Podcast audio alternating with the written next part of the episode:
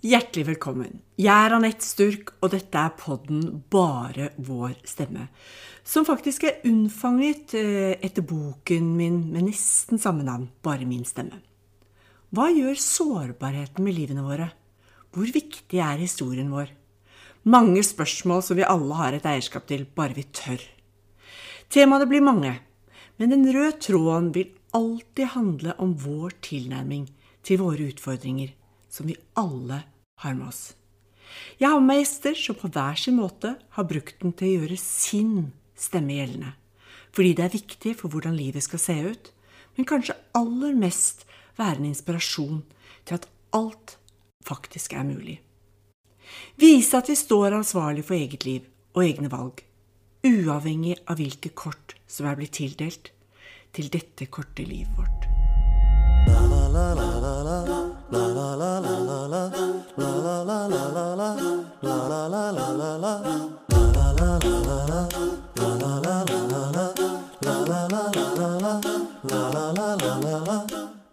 Alexander, din, sø din sønns første ord var ressurssterk. Det var uten å mukke engang.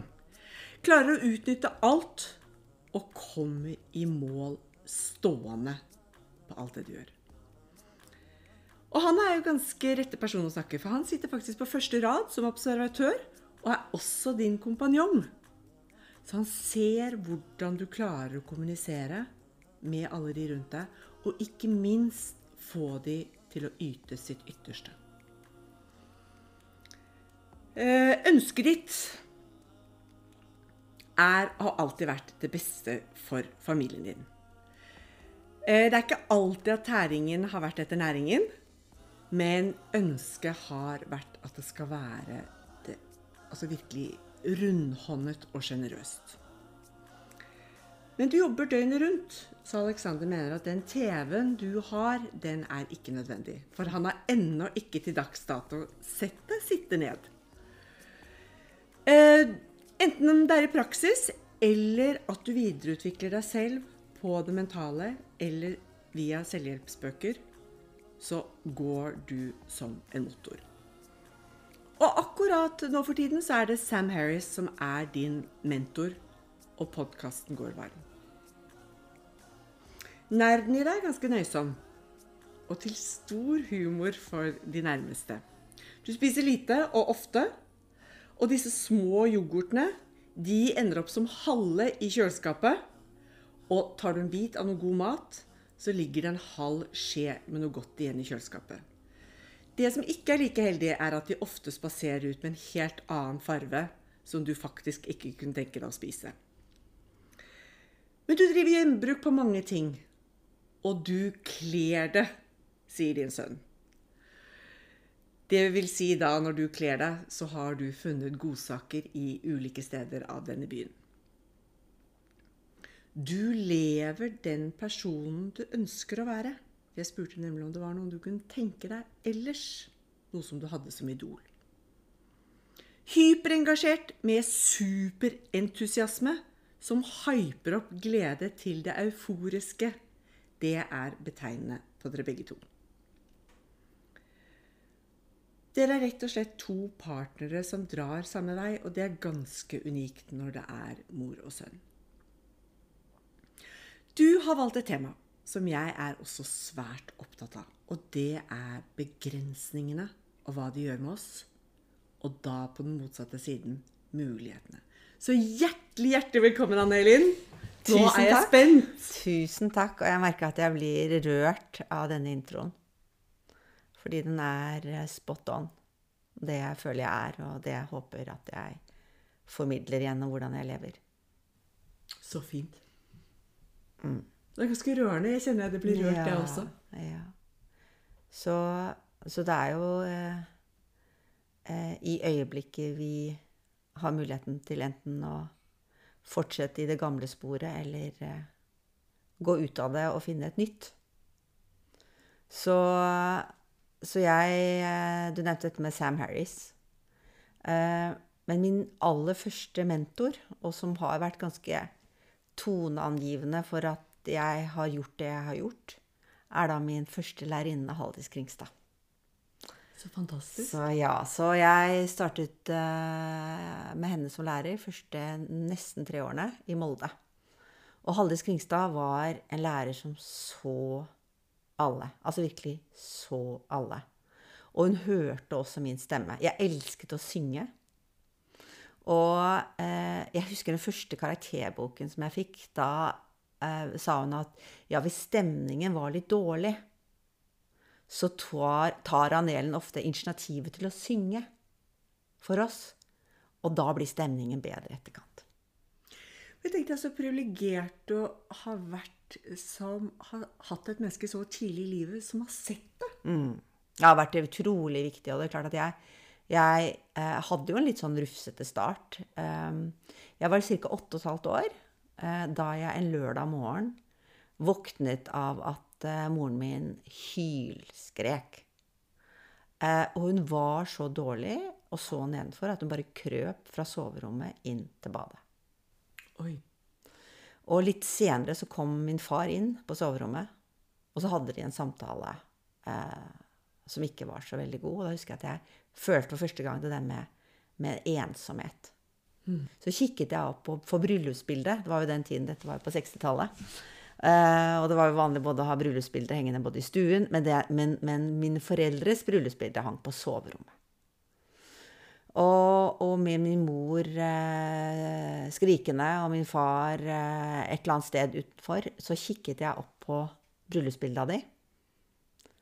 Og så gjorde jeg følgende refleksjon. Kanskje er det noe med ekteskapet. Det er ganske utrolig i en alder av åtte, hvordan man har en sånn mavefølelse på at her er det noe som ikke stemmer. Så jeg gikk i andre klasse. Og moren min hadde fått eh, kreft. Underlivskreft. Og min far ville gå fra henne.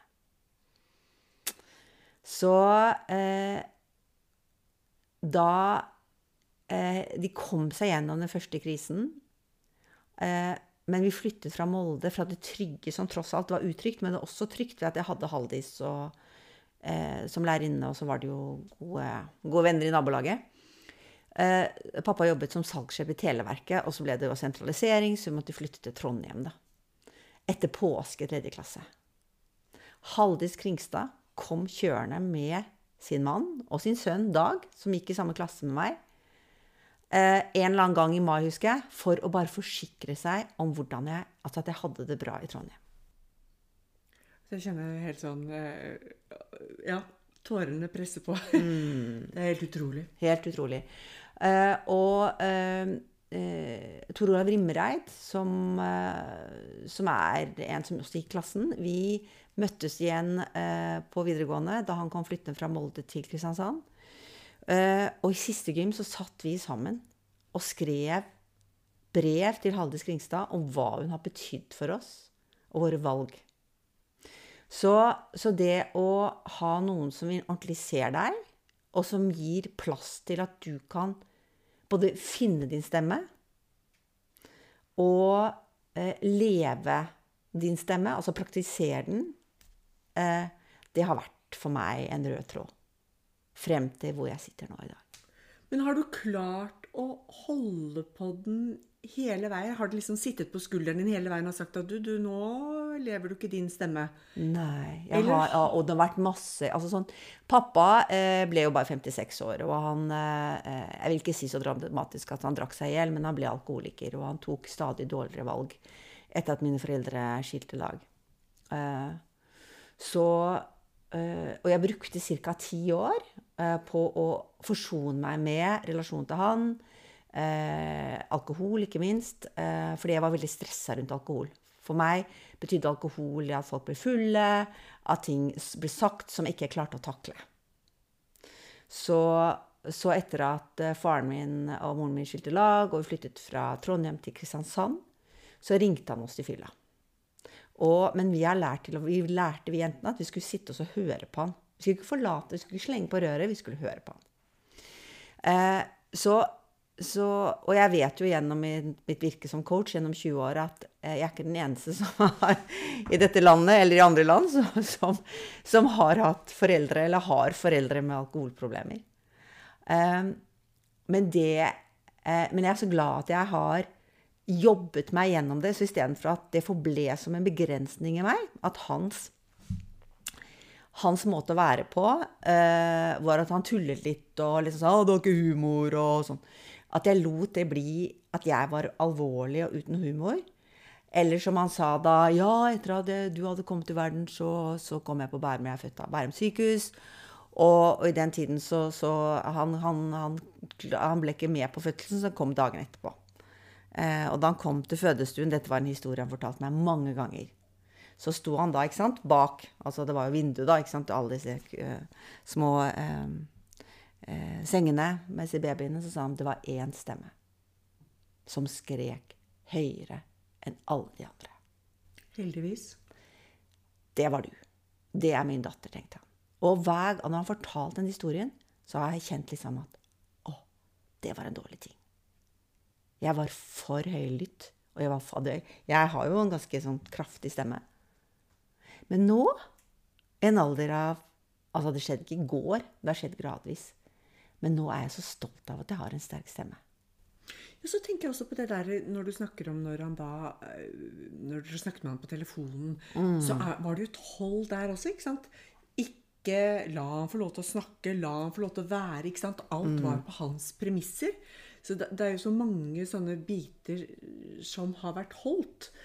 Ja. Så hva, mm. hva, hva, har vært motoren for at du har klart å komme deg ut og liksom si at vet du nå skal ikke jeg forholde meg til det mennesket lenger. Nå skal, ikke, nå skal, jeg slippe det.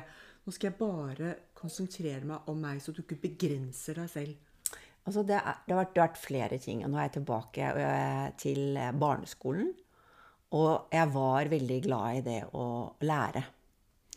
Eh, så, så var jeg veldig ivrig ikke sant? til det å satt alltid forrest, rakk opp hånden. Um, men det jeg likte aller best, det var å lage border. det var å lage det fint mellom sant, A, A, A, A, og så de fine krusedyllene.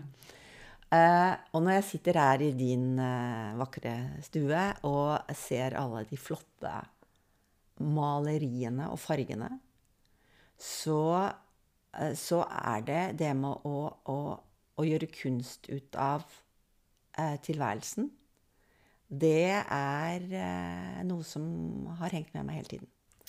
Wow, den skal jeg stjele. Så vakkert. Mm. Kunst ut av tilværelsen, du. Mm. Så i andre gym så var det en lørdag, og moren min og jeg så på Jeg husker ikke hvem som var, om, var programleder, men i hvert fall var det Ferdinand Finne.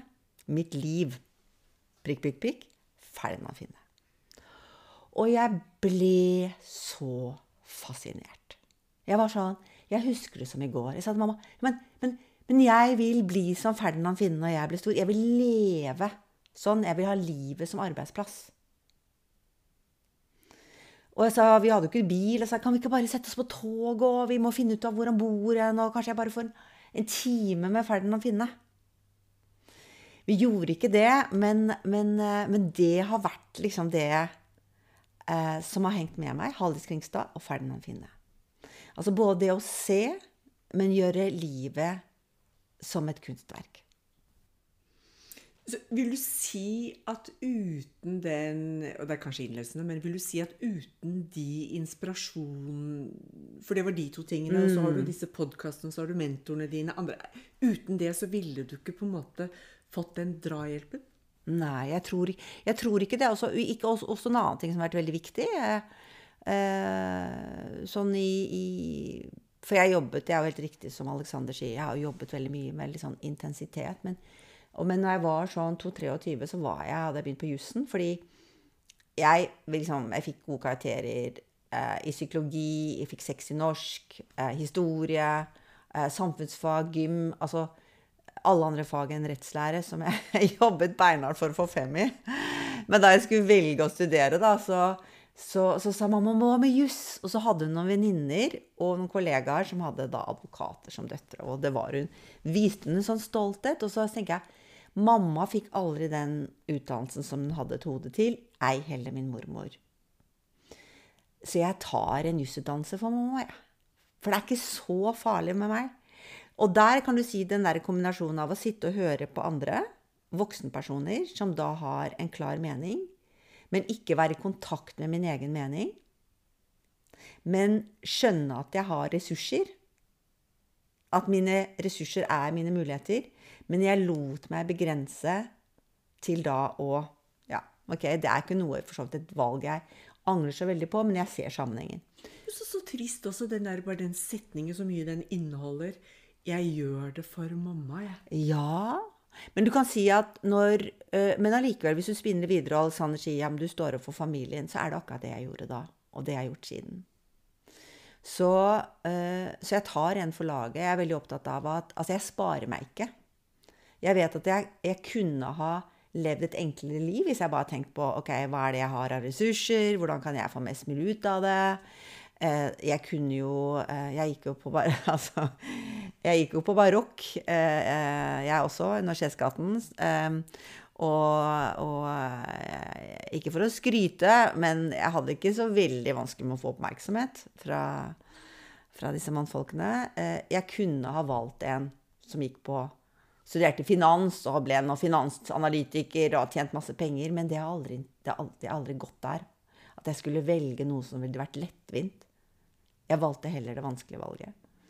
Så, så det er jeg liksom litt sånn fornøyd med. Uh, men tilbake igjen til i begynnelsen av 20-årene. Et, et, et liksom tredje ting som har vært veldig viktig, og som jeg og som, har, som jeg har videreført til de menneskene jeg har møtt, det er dette med be, altså det med å lytte innover.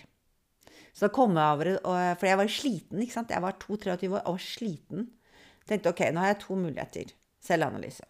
Enten så begynner jeg til psykolog og får tak i hva er det liksom som gjør at jeg er så sliten. Eller så begynner jeg å meditere. For jeg kom over et oppslag på Universitetet eh, i Oslo eh, som ble, var triggeren var å få bedre karakterer gjennom å meditere. Men det som skjedde etter at jeg begynte å meditere, var at jeg kjente etter hvor utrolig sliten jeg var. Så de første månedene etter at jeg mediterte, så studerte jeg veldig lite.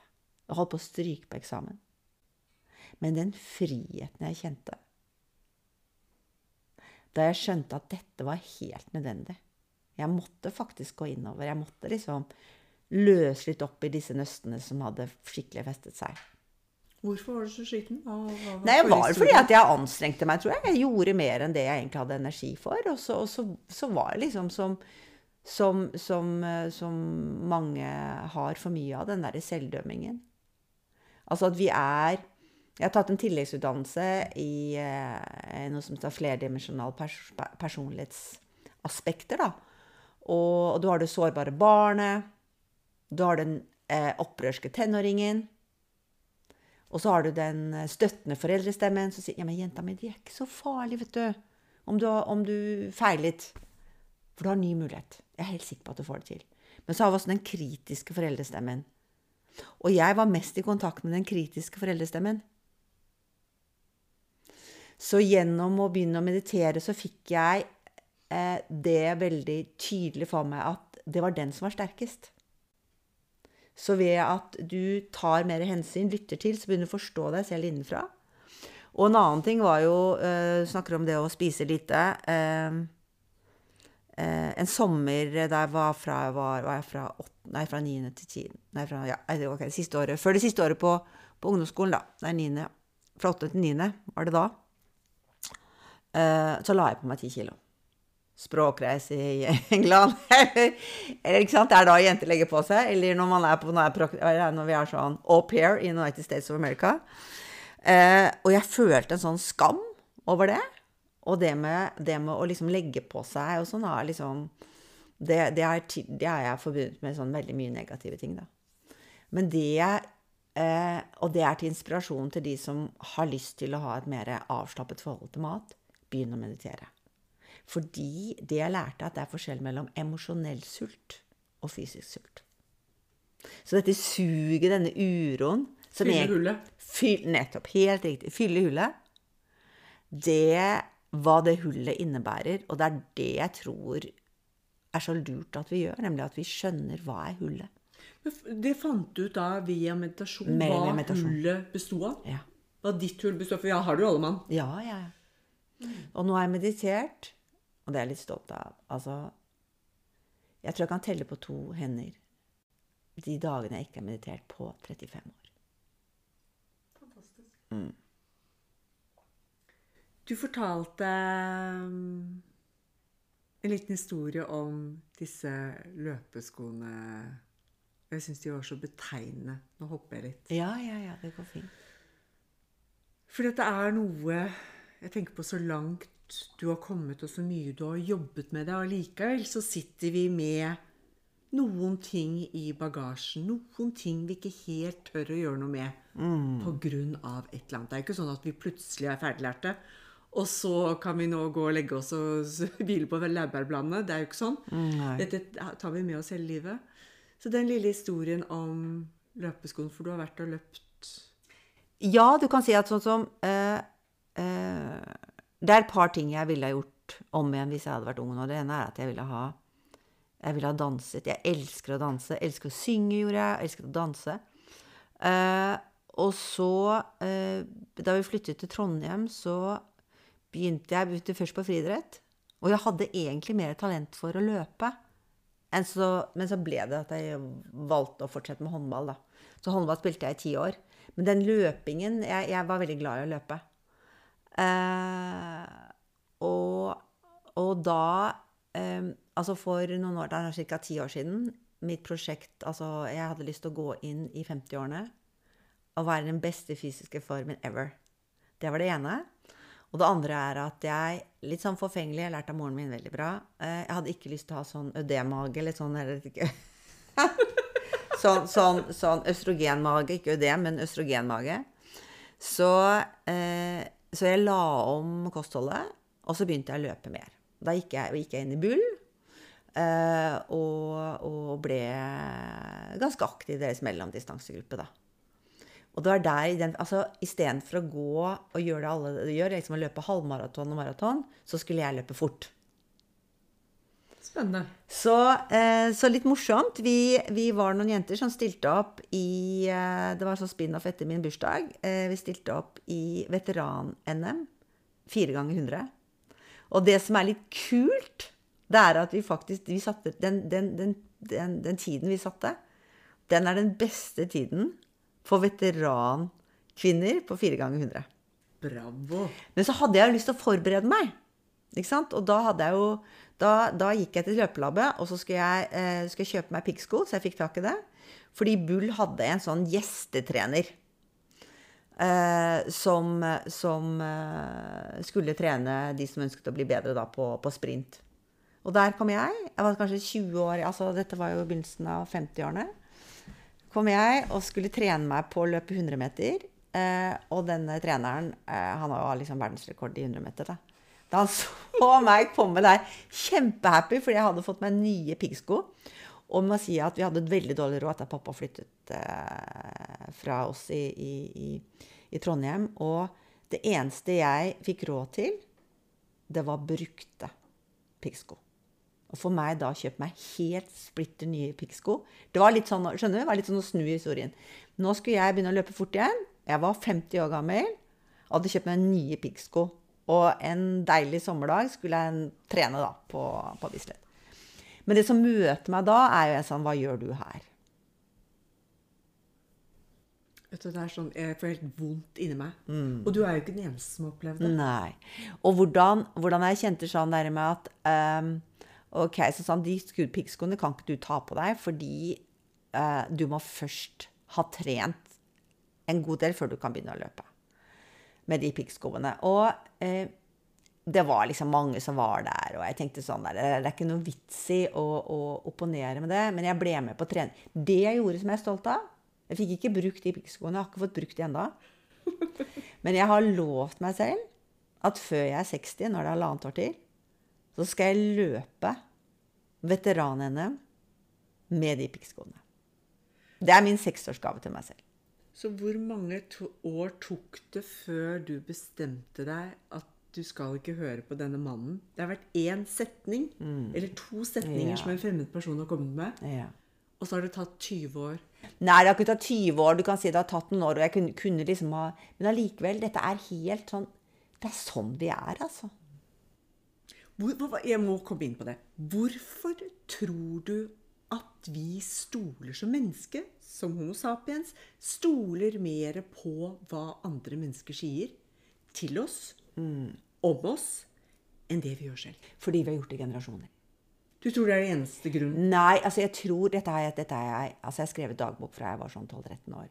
Uh, og en av de tingene jeg leser liksom notater jeg hadde fra way back, så er det dette med Hva er det som gjør at vi begrenser oss? Hva er det inni oss som gjør at Altså hvorfor det er den begrenser oss? Hva er det som gjør at vi ikke gjør det vi vet vi skal gjøre? Og jeg tror eh, eh, Og det kan gjerne utfordres, men Eh, men jeg tror det er for enkelt å si at det bare er vår egen stemme inni oss. Altså fordi vi er en del av et system. Vi er et økosystem, for å bruke litt sånn litt moderne termer. Så vi blir så påvirket av hverandre. Så, så eh, hvor ofte er det vi er i sosiale settinger? Og der syns jeg noen ganger kvinner kan være kvinner verst. Hvor ofte er det kvinner sier Det der kan jo du få til fordi sånn og sånn. Hvor ofte er det vi, vi utfordrer hverandre til å tenke annerledes? Til å se flere muligheter? Hvor gode er vi på å gi hverandre komplimenter? Virkelig genuine komplimenter? Så, så jeg syns at vi kvinner, eh, men også for så vidt menn Men, men, men, men ja, vi kvinner er jo etter hvert som vi blir eldre, så blir vi stadig mer sammen med kvinner. Absolutt. Og der tror jeg vi må finne noen Vi må, ut, vi må liksom se på hva er spillereglene her. Og det er interessant at du sier hvorfor må vi ha spilleregler i en sosial setting? For jeg tenker at hvis jeg går inn som et individ mm. sammen med deg og andre kvinner, mm. så er det jo på en måte mine spilleregler. Det jeg bringer til bordet, er jo på en måte skal jo da være inspirasjonen, skal være det genuine, og vice versa. Ja, men det er den ressurssterke delen av meg som sier ja til det. Men jeg har også en del som begrenser meg. Og når du sier det sånn, så tenker jeg Men her skal du komme og bestemme? Det har ikke jeg lyst til. Hvem er det du tror du er, da? Og det verste er at jeg syns ikke det kom ut sånn i det hele tatt. Det jeg tenkte, meg det er så deilig å høre. Ja. For jeg sa vis visa versa, så tenkte jeg jeg kommer til bordet med det. Ja. Og du er så deilig. Så, så, så sånn kan det oppfattes. Ja, vi, altså, og der Vi har ikke kontrollen på hvordan vi blir oppfattet. Og vi blir Det går på nanosekunder. Så har, har det satt seg et inntrykk. Du er høy og sterk. Jeg er høy og sterk. Det blir fort for mye av oss. Men Anne hvis du og jeg mhm. skal gå inn i en sosial setting, og så skal vi bry oss, så sitter det 30 mennesker der. Mm. Så skal vi bry oss om hva alle de 30 menneskene måtte synes og mene om oss? Nei, vi skal ikke bry oss om det.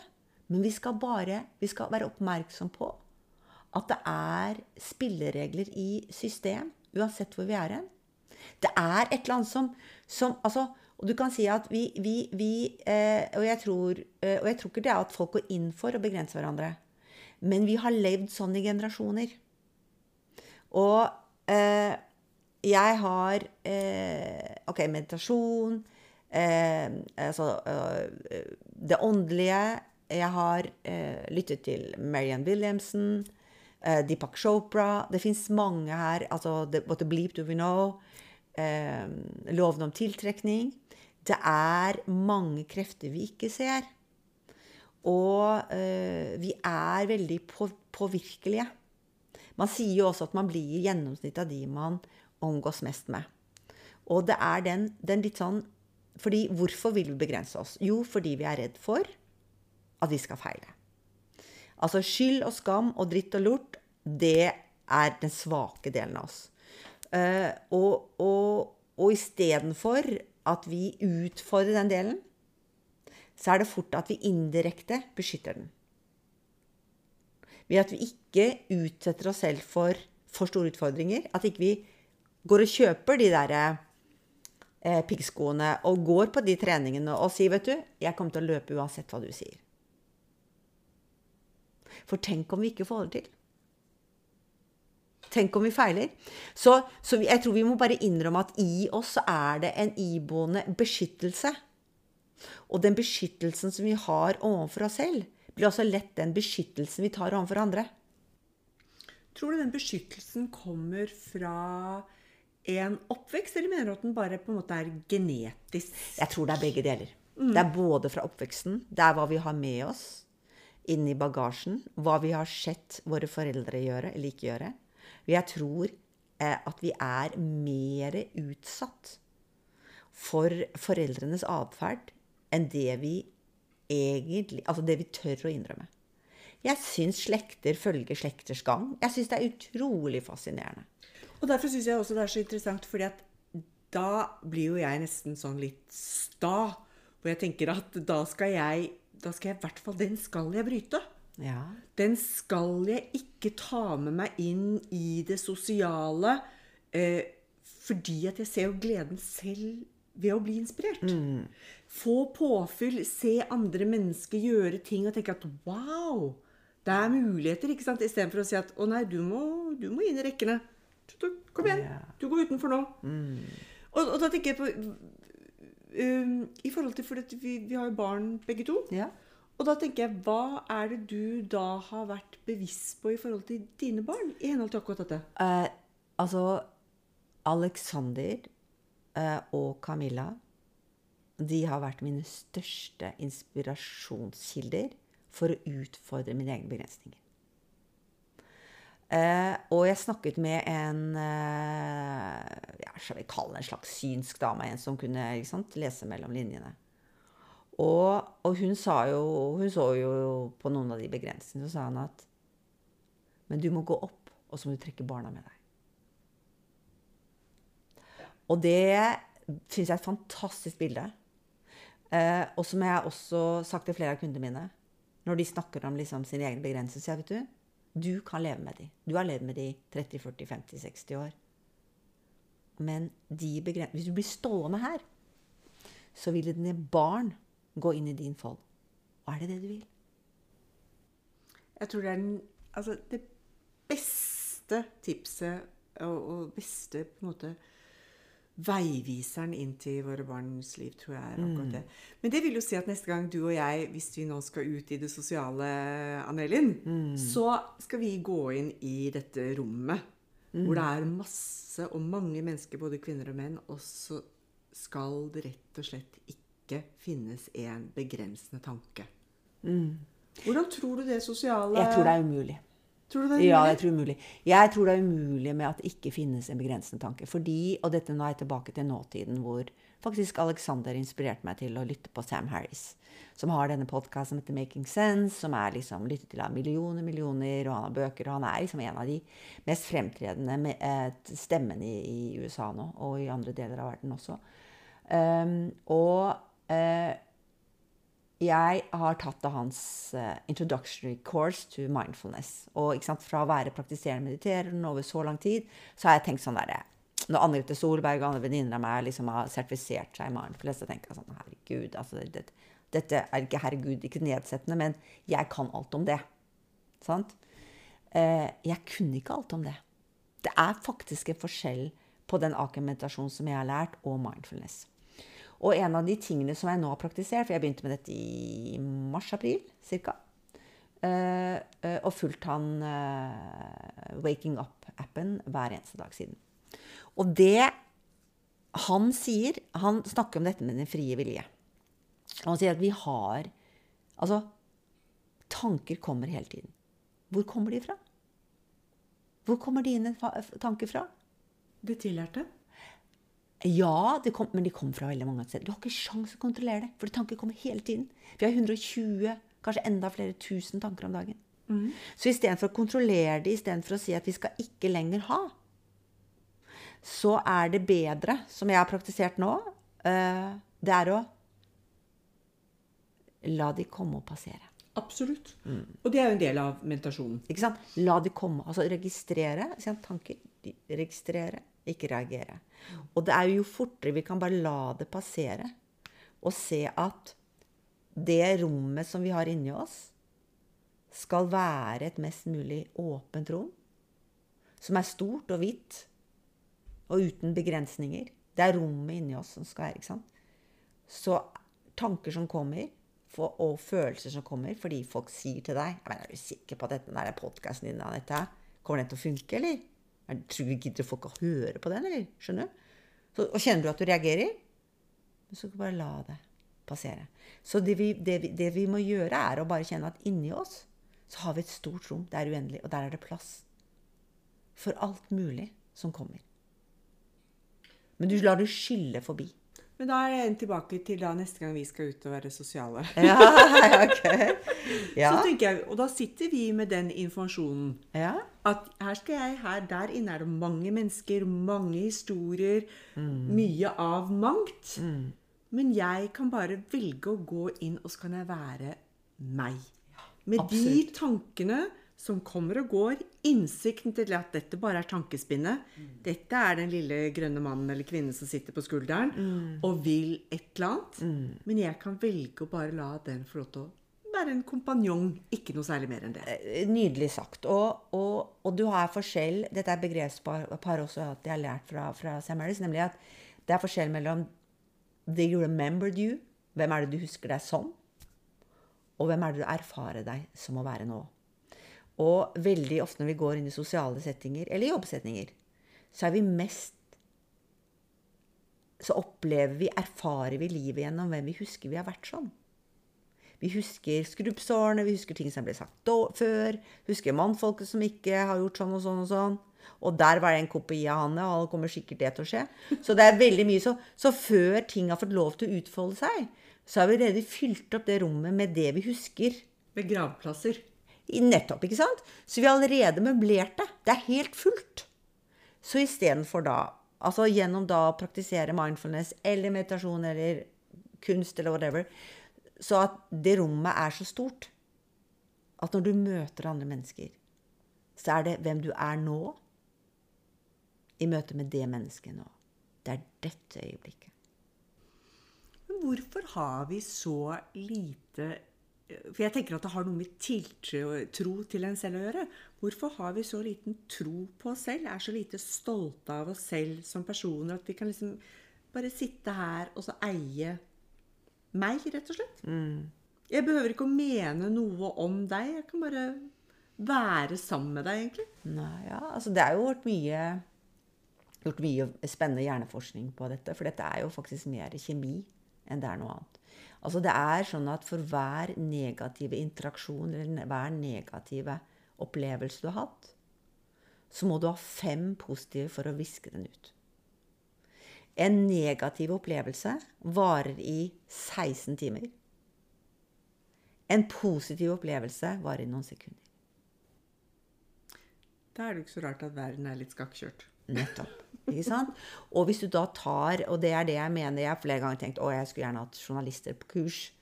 Um, fordi det er for mye negativitet. Altså, det fins Verden er jo full av positive ting. Så, så til de gradene er jo Som bare, skjer, liksom, som bare skjer uten at vi trenger å gjøre noen ting. Da må jeg komme inn på For det, du, du har snakket om før vi begynte i dag, så snakket du litt om dette her, du, har, et- du og din kjære sønn har et yeah. nytt prosjekt i. Mm. forhold til dette å lytte. Og da tenker jeg på, for du sa noe veldig interessant Nå skal ikke jeg ta poenget ditt, Mm. men du sa noe veldig interessant med at når vi hører en stemme, Mm. eh, så hører vi dynamikken i stemmen. Vi, vi, vi, får, vi får et eierskap til stemmen. Ja. Kontra det skrevne ordet per mail eller per sånn og sånn. Mm. Og da tenker jeg på det vakre. Jeg tenker umiddelbart på det vakre. Jeg elsker jo stemmer som har Ja. en eller annen ikke sant? En eller annen glød. Ikke et sant? eller annet. Det er jo, stemmen Fortell. er jo sjelens eh, speil. Eh, og eh, det er Hvordan er det vi hvordan er det vi påvirker hverandre i mennesker? Eh, det sterkeste påvirkningsmerket vi har, er når vi tar på hverandre. Beføling. Nummer to er når vi bruker stemmen overfor hverandre. Og eh, jeg kommer på Instagram noe som at det er liksom 90% av alle konflikter i verden er knyttet til hvordan vi snakker til hverandre. Ikke hva vi sier, men hvordan vi sier det. Så, så inspirert av Haldis Kringstad, av Ferdinand Finne, av mine 20 år pluss med å coache så mange flotte mennesker, med å ha jobbet for store selskaper sånn som Orkla har vært coach for i 13 år, så ser jeg at det som er problemet, det er hvordan vi snakker til hverandre. Så eh, Alexander og jeg vi har da laget en ny plattform, og nå har vi fått på investorer. Også Denise Pang er, eh, kommer inn som leder. eh, i tillegg til flere som vi skal ha om bord. Og vi skal gjennom lytte Ambisjonen er at vi skal være den mest effektive måten ledere inspirerer teamet sitt på ved hjelp av stemmen. Så vi har en metodikk. Eh, vi har laget en metodikk og en logikk og en filosofi som gjør at de skal snakke i maks to minutter. Men hvorfor er disse lederne så heldige? For dette gjelder jo oss alle. Jeg, det er vel kanskje det største problemet vi mennesker har, er rett og slett å lytte. Ja. Uten Ja. å gå i sårene våre, men bare rett og slett lytte Bare på hva lytte. som faktisk kan- blir sagt. Ja, og du kan si at i plattformen så skal også de som har lyttet til lederen, gi tilbakemelding til lederen. Eh, og, ved, og, og der kommer igjen dette med Halldeskrinsk, at, at, at, at en leder eller ledelsen er jo en slags lærer. Eh, men nå er vi dit hen at er du som lærer eller du som ekspert, er du relevant for meg? Hva syns jeg om det du sier? Har jeg lyst til å lytte til deg? Wow. For det er veldig mye, og da gjennom plattform så får du sett hvor mange er det som lytter til deg. Du må gjøre deg selv attraktiv. Så fint. Lederne må anstrenge seg for å snakke om det som er relevant, engasjerende, og gjøre det med en tydelig, varm stemme. Og da må de begynne litt med ganske mye eh, selvransakelse. Å, og ikke minst også se sitt eget potensial utenfra. Ja, absolutt. Være stolt av en stemme de har, og den må du jo finne hvis de ikke har den. Ja, for du, du kan jo si at 'ja, jeg er stolt av dere'. Men mener du det? Det vil stemmen avsløre. Veldig. Og, og vi er jo mer sensitive mennesker enn det vi ofte innrømmer. Så vi kjenner det når folk ikke snakker sannheten. Så kjenner vi at vi føler oss blir vi liksom litt sånn urolige. Veldig, for det er ikke noe samstemning mellom sammenheng. Det er ikke noen resonans. ikke sant? Du sier én ting, men jeg føler noe annet. Så, så det er det vi ønsker å, å bruke også Øh, øh, maskinlæring, stemmegjenkjenning, alle disse fancy tingene som nå finnes, for å se og måle hva er sammenhengen mellom hvordan jeg føler meg, og hvordan jeg nettopp ble snakket til.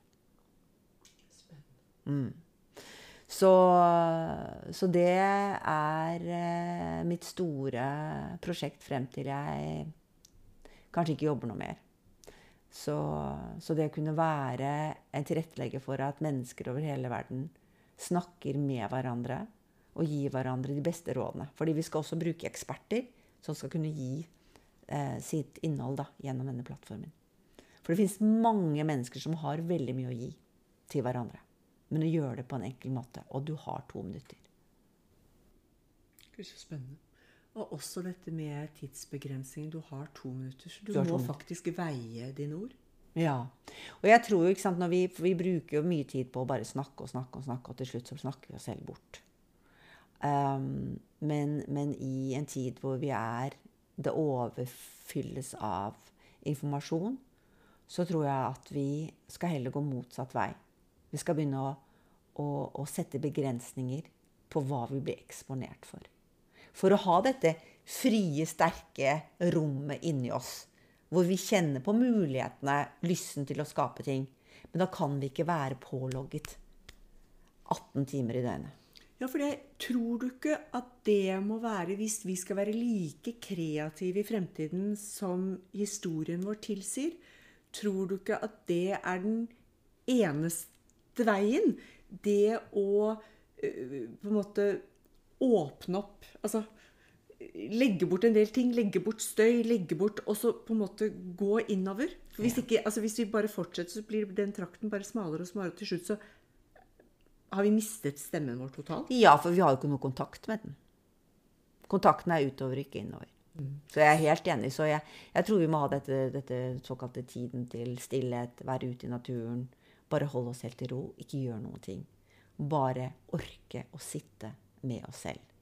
Og til slutt så blir det jo mye mer, etter hvert så blir du mer komfortabel med å være hos deg selv. Men det, det er jo når vi er i kontakt med oss selv, at vi kan også være i den beste kontakten utover. For er jeg ikke i kontakt med meg, så vil jeg bruke veldig mye av min oppmerksomhet til å reagere på hvem du er, hva du sier, hva du ikke sier, hva du gjør, hva du ikke gjør. Og så begynner vi å, å, å angripe hverandre. Vi begynner å, å kritisere hverandre.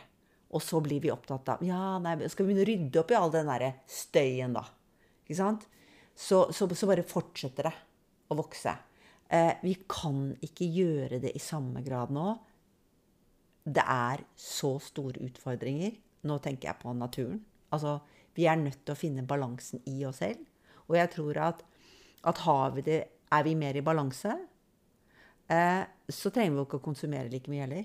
Altså vi, vi, vi, vi, går på shopping fordi det er apropos hull i magen. ikke sant? Ok, Hull fylles med mat, med drikke, med klær, med ting og tang. Altså Hvis vi har denne balansen inni oss, er det sånn Ja, da går det ikke an å få solgt noe til deg. For jeg trenger ingenting. Jeg har det fint, jeg. Jeg har, jo kjøpt brukte klær. 80% 90% og mer 98% av alle mine klær og sko er jo kjøpt brukt. Jeg har gjort det i 20 årene. 20 år. Og, og det, bare det å gå og kjøpe brukte ting, det, jo, det gir en helt annen følelse. Um, så, så, så, det er med å, å, å, gå ut og konsumere, men mer ha et liv som er kreativt og mer kunstnerisk, og at du kjenner den gode følelsen. Da må vi først få kontakt med den gode følelsen, og det kan vi ikke hvis, hvis, hvis vi blir besudlet av alt det som skjer utenfor oss hele tiden. Tusen, tusen takk, Ann Elin. Fantastisk å ha deg på besøk, og takk for innsikten og historien dine. Og så håper jeg din lærerinne fortsatt lever. Hun er nok gått, innpå de, uh, gått over i de uh, dere, evige jaktmarker, men jeg er sikker på at hun har det bra. Hun er i himmelen. Hun, da sitter hun, hun og hører på oss. Hun er i himmelen. Tusen takk. Ok, takk skal du ha.